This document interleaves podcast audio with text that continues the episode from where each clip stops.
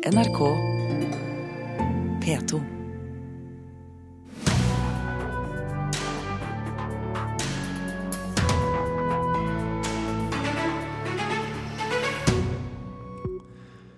VG vurderer å starte med politisk innholdsreklame for å tjene penger.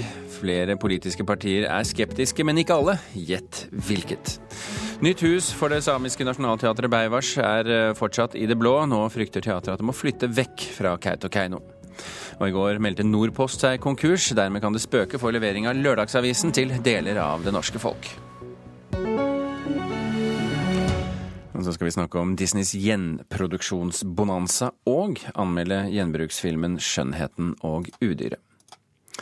VGs satsing på innholdsmarkedsføring har fått mye kritikk og skapt debatt. Nå vurderer avisen å åpne for politisk innholdsreklame også, og har vært i kontakt med samtlige partier på Stortinget.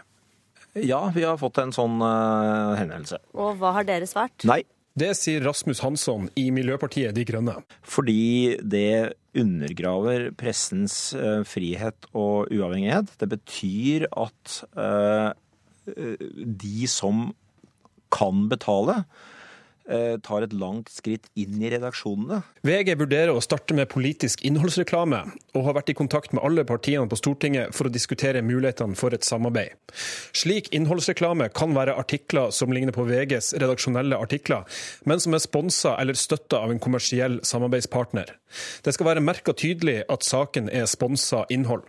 Flere av partiene har avslått VGs tilbud, og sier at de ser flere utfordringer ved et slikt kommersielt samarbeid. Blant dem er Geir Jørgen Bekkevold i KrF. Som et politisk parti så er det utrolig viktig at vi ikke pakker budskapet vårt inn i noe som ligner på noe annet. Vi lever av velgernes tillit. Kari Elisabeth Kaski i SV sier at de er redd for at det her kan være med på å undergrave spillereglene for politisk debatt i samfunnet. Det vil gi partier som har mer penger, altså de største partiene, adgang da, til mer tilsynelatende redaksjonell omtale. Det er jo ingen tvil om at uh, de forskjellige partiene allerede nå har begynt å bruke sosiale medier, og, uh, og kommer til å gjøre det i veldig stor grad frem mot uh, valget. Så de er jo interessert i å utrede hva slags reklame de kan ta i bruk, åpenbart. Sier Svein Arne Håvik, som er innholdssjef i VGs partnerstudio. Enhver reklame må merkes svært tydelig.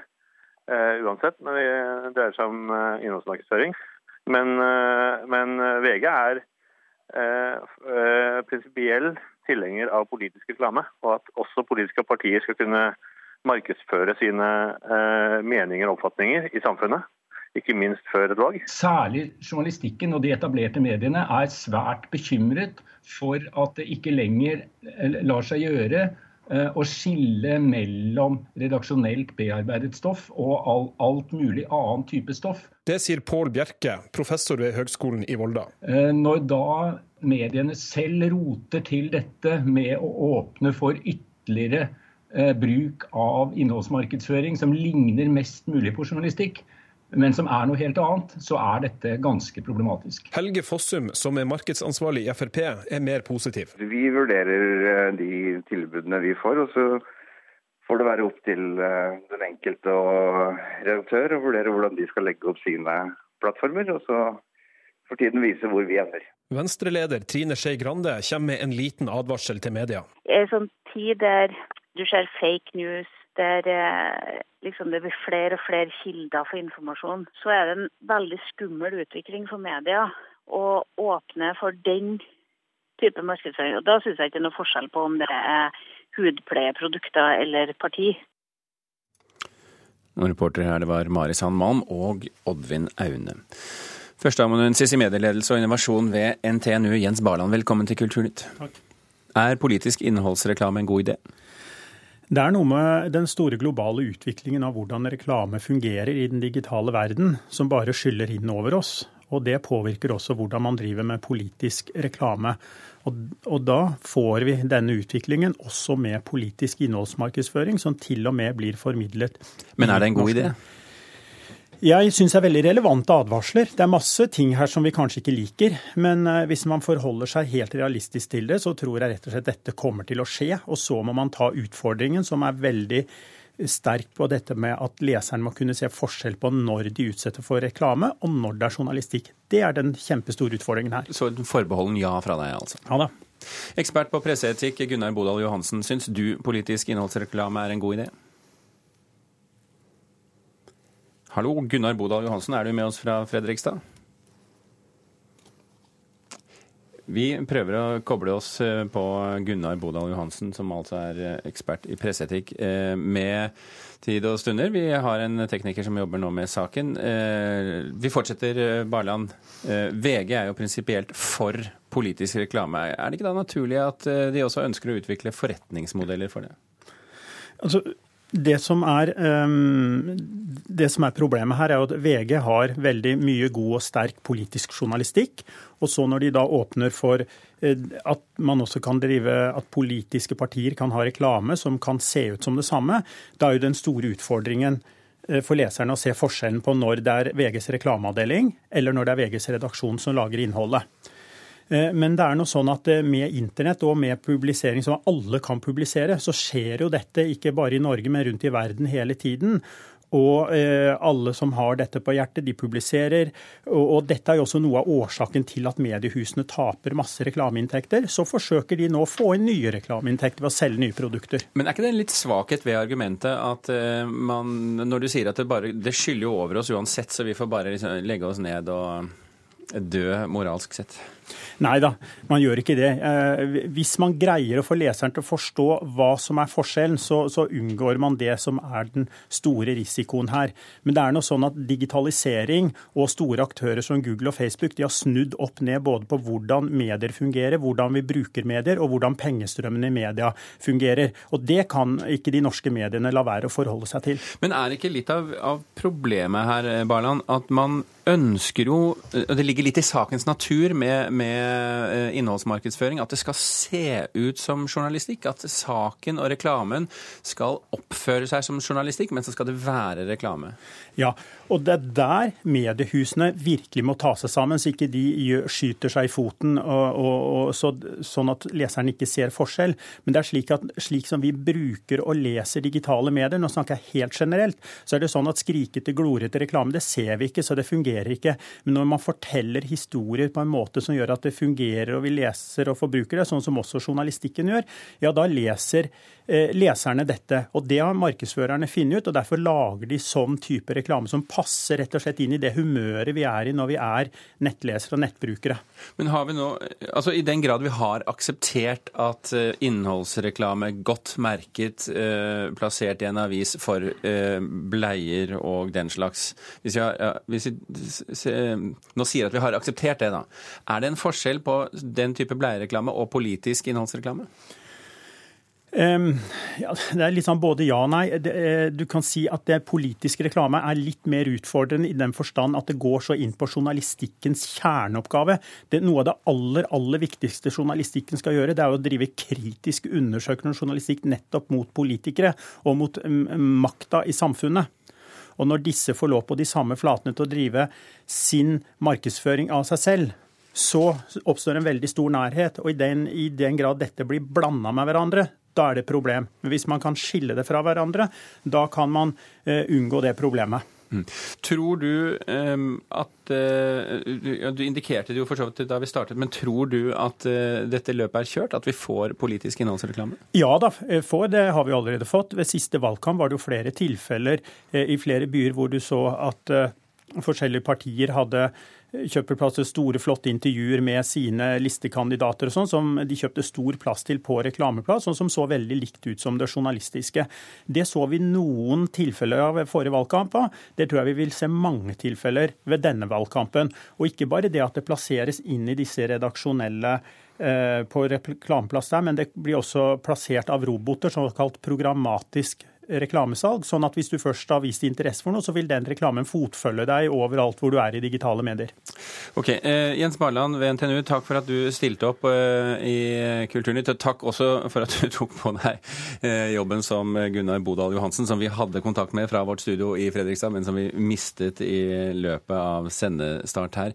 Uansett, Bodal Johansen, om du hører meg eller ikke, takk for at du stilte opp.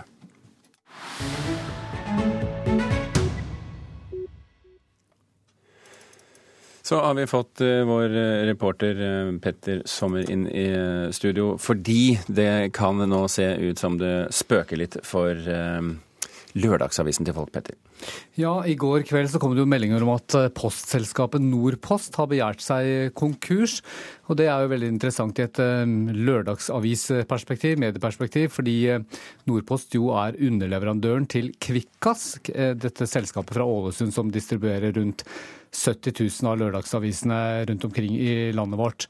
Og I fjor så husker vi jo mange at vi var overrasket over at dette lille nyoppstartede distribusjonsselskapet Kvikkas kunne vinne anbudskonkurransen over Store Posten. Men så kom det jo da fram at Kvikkas ikke bare var litt billigere, men 99 millioner billigere. Posten skulle ha 309 millioner, mens Kvikkas bare skulle ha 210 for den samme jobben. Og så startet jo eh, Kvikkas utleveringen av lørdagsavisene i november i fjor, og da var det jo veldig mye bråk, både fra kunder og lokalavisene, fordi de mente at Kvikkas ikke gjorde like god jobb som det Posten hadde gjort, i hvert fall ikke den første tiden. Men um, over til dagens situasjon, så er det jo ikke Kvikkas som fysisk har delt ut lørdagsavisene selv, det er jo Nordpost. Og nå sier jo Nordpost at de har så stor gjeld at de ikke kan fortsette. Det er en stor underleverandør hvor konkurs eh, så tett opp mot, eh, mot eh, leveranse, så, så, er jo det en krevende situasjon. Vil det si at folk skal være bekymret for å ikke få avisene allerede nå på lørdag? Akkurat sånn som vi ser situasjonen nå, så finnes det løsninger for hvordan vi skal få levert avisene nå på lørdag. Så akkurat nå så ville jeg ikke vært bekymra for det. Hva med helgene fremover?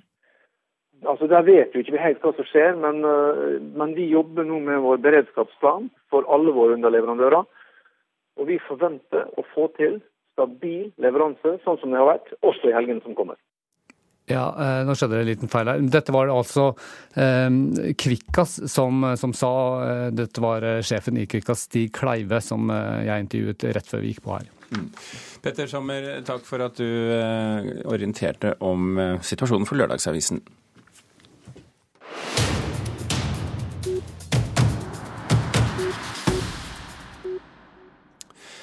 Så skal vi til eh, Kautokeino og til teatret Beivars. Det er nemlig slik at det går nå mot eh, en situasjon der Beivers kanskje ikke lenger kan være i Kautokeino, eller at de må bygge teatret sitt et annet sted.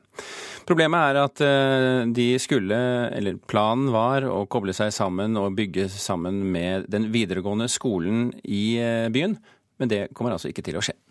Det betyr jo at vi igjen er satt tilbake i hussaken. Så nå må vi jo se på andre løsninger. Prøver på teaterforestillinga 'Hevn' i det nedslitte kulturhuset i Kautokeino. I flere tiår har det samiske nasjonalteatret Beivars ønska seg nye lokaler. Dagens bygg er nemlig i så dårlig forfatning at deler av huset i fjor ble stengt pga. inneklimaet. Og det er sånn at Folk som er disponert for allergier, de får reaksjoner ved å være inne i det bygget. Og det er klart det er et, et eh, potensielt helseproblem også, som selvfølgelig både vi i, i styret og ikke minst teatersjefen står ansvarlig for. Men planene om nybygg har blitt stående i stampe. Derfor foreslo Beivars og Sametinget i høst et felles nybygg for teateret og den videregående skolen i Kautokeino, som også trenger nytt hus.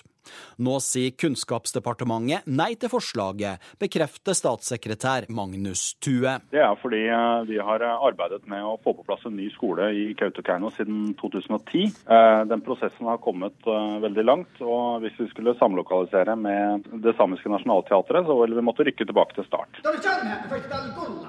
Dermed er altså nybygg for Beivars fortsatt i det blå. Nå håper teateret at et samarbeid med private investorer kan bli løsninga. Men i verste fall må teatret flytte vekk fra Kautokeino, frykter styrelederen. Vi kan ikke vente ubegrensa lenge. Og dersom det viser seg at det er umulig å få på plass dette bygget i Kautokeino, så må man se seg om at er det en annen plass eh, teatret kan være. I en annen kommune. På Sametinget blir det nå igangsatt en mulighetsstudie for å få alternative husløsninger på bordet.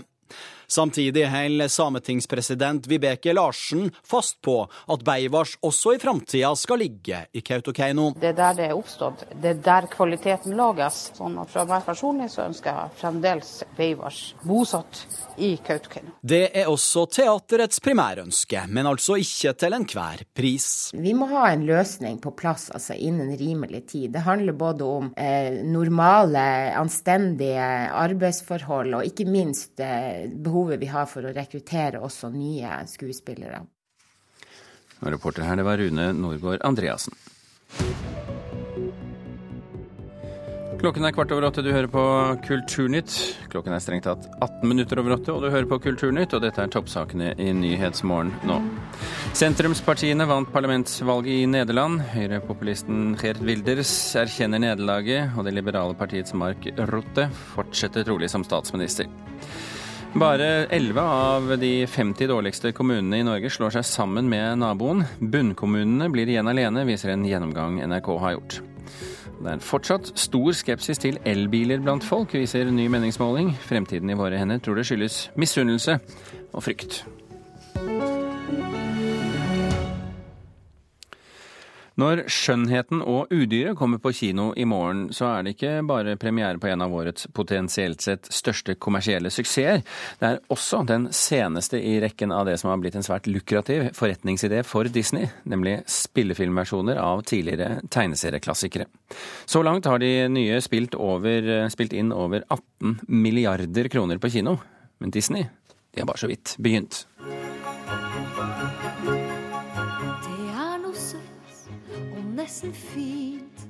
Det begynner å bli lenge siden publikum første gang fikk se den tegnede skjønnheten Bell finne tonen med det forheksede udyret utenfor et snødekket slott med vintersultne småfugler kvitrende rundt seg. Nå er han snill, jeg undrer på om jeg var blind som ikke skjønte det før nå. Og det husker jeg etter 25 år. Merete Trøan er ikke bare tidligere Melodi Grand Prix-vinner. Hun var også stemmen til Bell i den norske versjonen. Jeg må si jeg har litt kjærlighetsforhold altså, til den filmen. Senest på lørdag så traff jeg jo folk i ei trapp på Oslo Plaza, som da kom på det at å herlighet, er ikke du hun Trøan som var skjønnheten i 'Skjønnheten og udyret'? Så det er tydelig at det ikke bare er den oppvoksende slekt som har et sterkt forhold til filmen, men det er mange generasjoner. What did you do to it? Nothing. Get out of here! Go! Nå skal nye generasjoner få et forhold til en ny versjon av filmen. Fredag er det premiere på spillefilmvarianten av 'Skjønnheten og udyret'. Emma Watson fra Harry Potter-filmene spiller hovedrollen. Trailerne har satt seerrekorder på YouTube, og i USA har forhåndssalget av kinobilletter vært rekordhøyt. Det er jo vanskelig å tenke at det er noe annet enn dypt, dypt kynisk. Mener filmanmelder Aksel Kielland i Dagbladet. Skjønnheten og udyret er nemlig langt fra alene. På få år har Disneys spillefilmer basert på Tornerose, Askepott, Jungelboken og Peter og Dragen spilt inn over 18 milliarder kroner på verdensbasis. Det er akkurat den der følelsen nå at de prøver å gå inn og oppdatere den sentimentale tilknytningen som jeg og mange andre har, nostalgiske tilknytningen til Disney, i et nytt formspråk som, da, som det er lettere å selge dynetrekk og matbokser og plastfigurer og fornøyelsesparker og alt Ifølge nyhetsbyrået AFP er nyinnspillinger av 13 klassikere nå på vei, blant dem Aladdin, Mulan, Dumbo og Løvenes konge.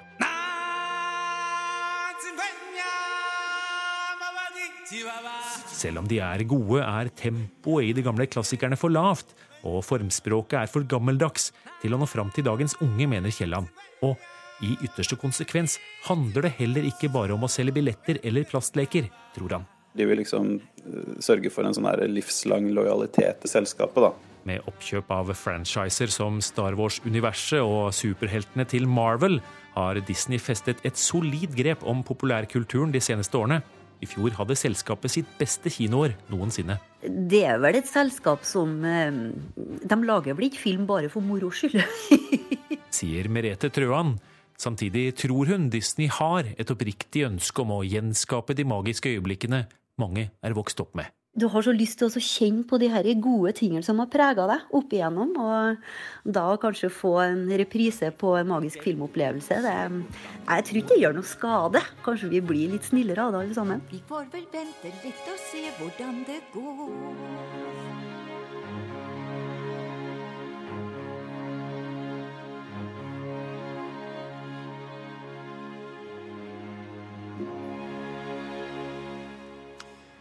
Reporter her, det var Gjermund Jappé.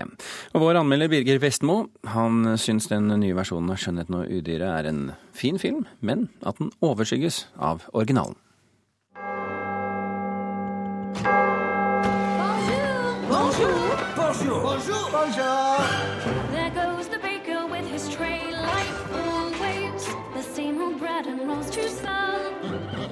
Disney sparer ikke på noe i spillefilmen 'Skjønnheten og udyret', basert på deres egen tegnefilm. Regissør Bill Condon har fått lage et stort, vakkert og sveipende eventyr som visuelt matcher minnene fra 1991-filmen. Nostalgien slår inn for fullt, men den oppnår ikke helt den samme følelsen av evig romantikk. Og når Emma Watson fremstår som en litt bleikere Bell enn forventa, blir det klart at det fremdeles er tegnefilmen 'Skjønnheten og udyret' som vil leve lengst. Spillefilmversjonen er profesjonelt utført til fingerspissene, men er i hermetegn bare god, der originalen er fantastisk. Show me the girl. Look at her. What if she is the one? The one who'll break the spell? Spillefilmen følger handlinga fra tegnefilmen nesten slavisk. Det handler om Bell, spilt av Emma Watson, som havner i fangenskap hos et udyr i et slott i skogen, som vi vet er ramma av en forbannelse som blir eviggjort om noen ikke forelsker seg i han til tross for hans skremmende utseende. Etter hvert som eventyret utspiller seg, blir det klart at filmen ikke har tenkt å gjøre store sprell med handlinga. Sekvensene fortelles veldig likt som i tegnefilmen. Det tilføres lite nytt, bortsett fra noen få historietråder om bl.a. Bells mor, LeFous homofile seksualitet og noen ekstra sangnumre. Den store attraksjonen er å se det kjente eventyret med levende mennesker i mer eller mindre virkelige omgivelser. Her holder både foto, scenografi og digitale effekter en imponerende høy kvalitet. Something sweet and almost kind. But he was mean and he was coarse and unrefined. Skjønnheten og udyret er et pent eventyr som først og fremst er en påminnelse om hvor god tegnefilmen var, og hvor fantastisk Alan Menkens originale komposisjoner er. Musikken gjenbrukes veldig godt i den nye filmen, mens Menkens nye melodier også behager ørene. Det her er så fengende toner at det nesten ikke går an å mislykkes. Det har regissør Bill Condon heller ikke gjort. Fortellergleden er overbevisende, detaljrikdommen er imponerende, og kjærlighetshistorien holder fremdeles akkurat passe temperatur. Skjønnheten og udyret føyer seg pent inn i rekka av Disneys nye versjoner av gamle tegnefilmer, sjøl om den må finne seg i å overskygges av originalen. You can talk. Well, of course he can talk. It's all he ever does. Det var Birger eh, Vestmo. Så til en av litteraturhistoriens eh, store romaner, Fjodor Dostojevskijs 'Brødrene Karamazov'. For om du ikke har tid, lyst eller tålmodighet for så vidt til å lese hele boken, så kan du nå se den på teater. I går hadde Brødrene premiere ved Trøndelagsteaters gamle scene, og teaterkritiker Karen Frøsland Nystøl, her ser jeg for meg et veldig langt stykke, eller en veldig nedklippet historie. Ja, det er klart at du får ikke en tusensiders roman inn på en, eh, på en helaften. Da tar det i så fall lang tid. Eh, dette er, dette er historier, men det er ikke historier knytta rundt fadermordet i så stor grad som en kanskje tenker. Det er ikke en krimforestilling vi ser, det er en forestilling om, om hvordan det er å være disse fire sønnene til, til Karamazov. Mm. Det er mye eksistensiell tematikk her som passer veldig godt inn i vår tid. Vi kan prøve litt eksistensiell lyd også.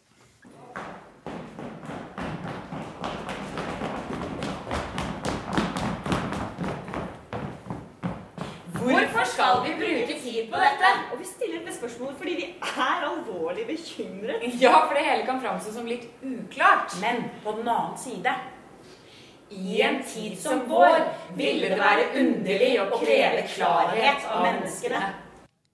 Jeg får ikke assosiasjoner til brødre her. Nei, her, her eh, møtte vi de tre viktigste kvinnelige karakterene, nemlig Gro Schenka og eh, og Katarina og Lise, som er tre av kvinnene som spinner seg rundt i romanen og påvirker disse fire, tre-fire brødrene, blant annet. Hva skal vi med dette, spurte de. Denne romanen er jo skrevet i 1880. Den er skrevet samtidig som et dukkehjem og gjengangere. Sånt holdt Ibsen på med på den tida.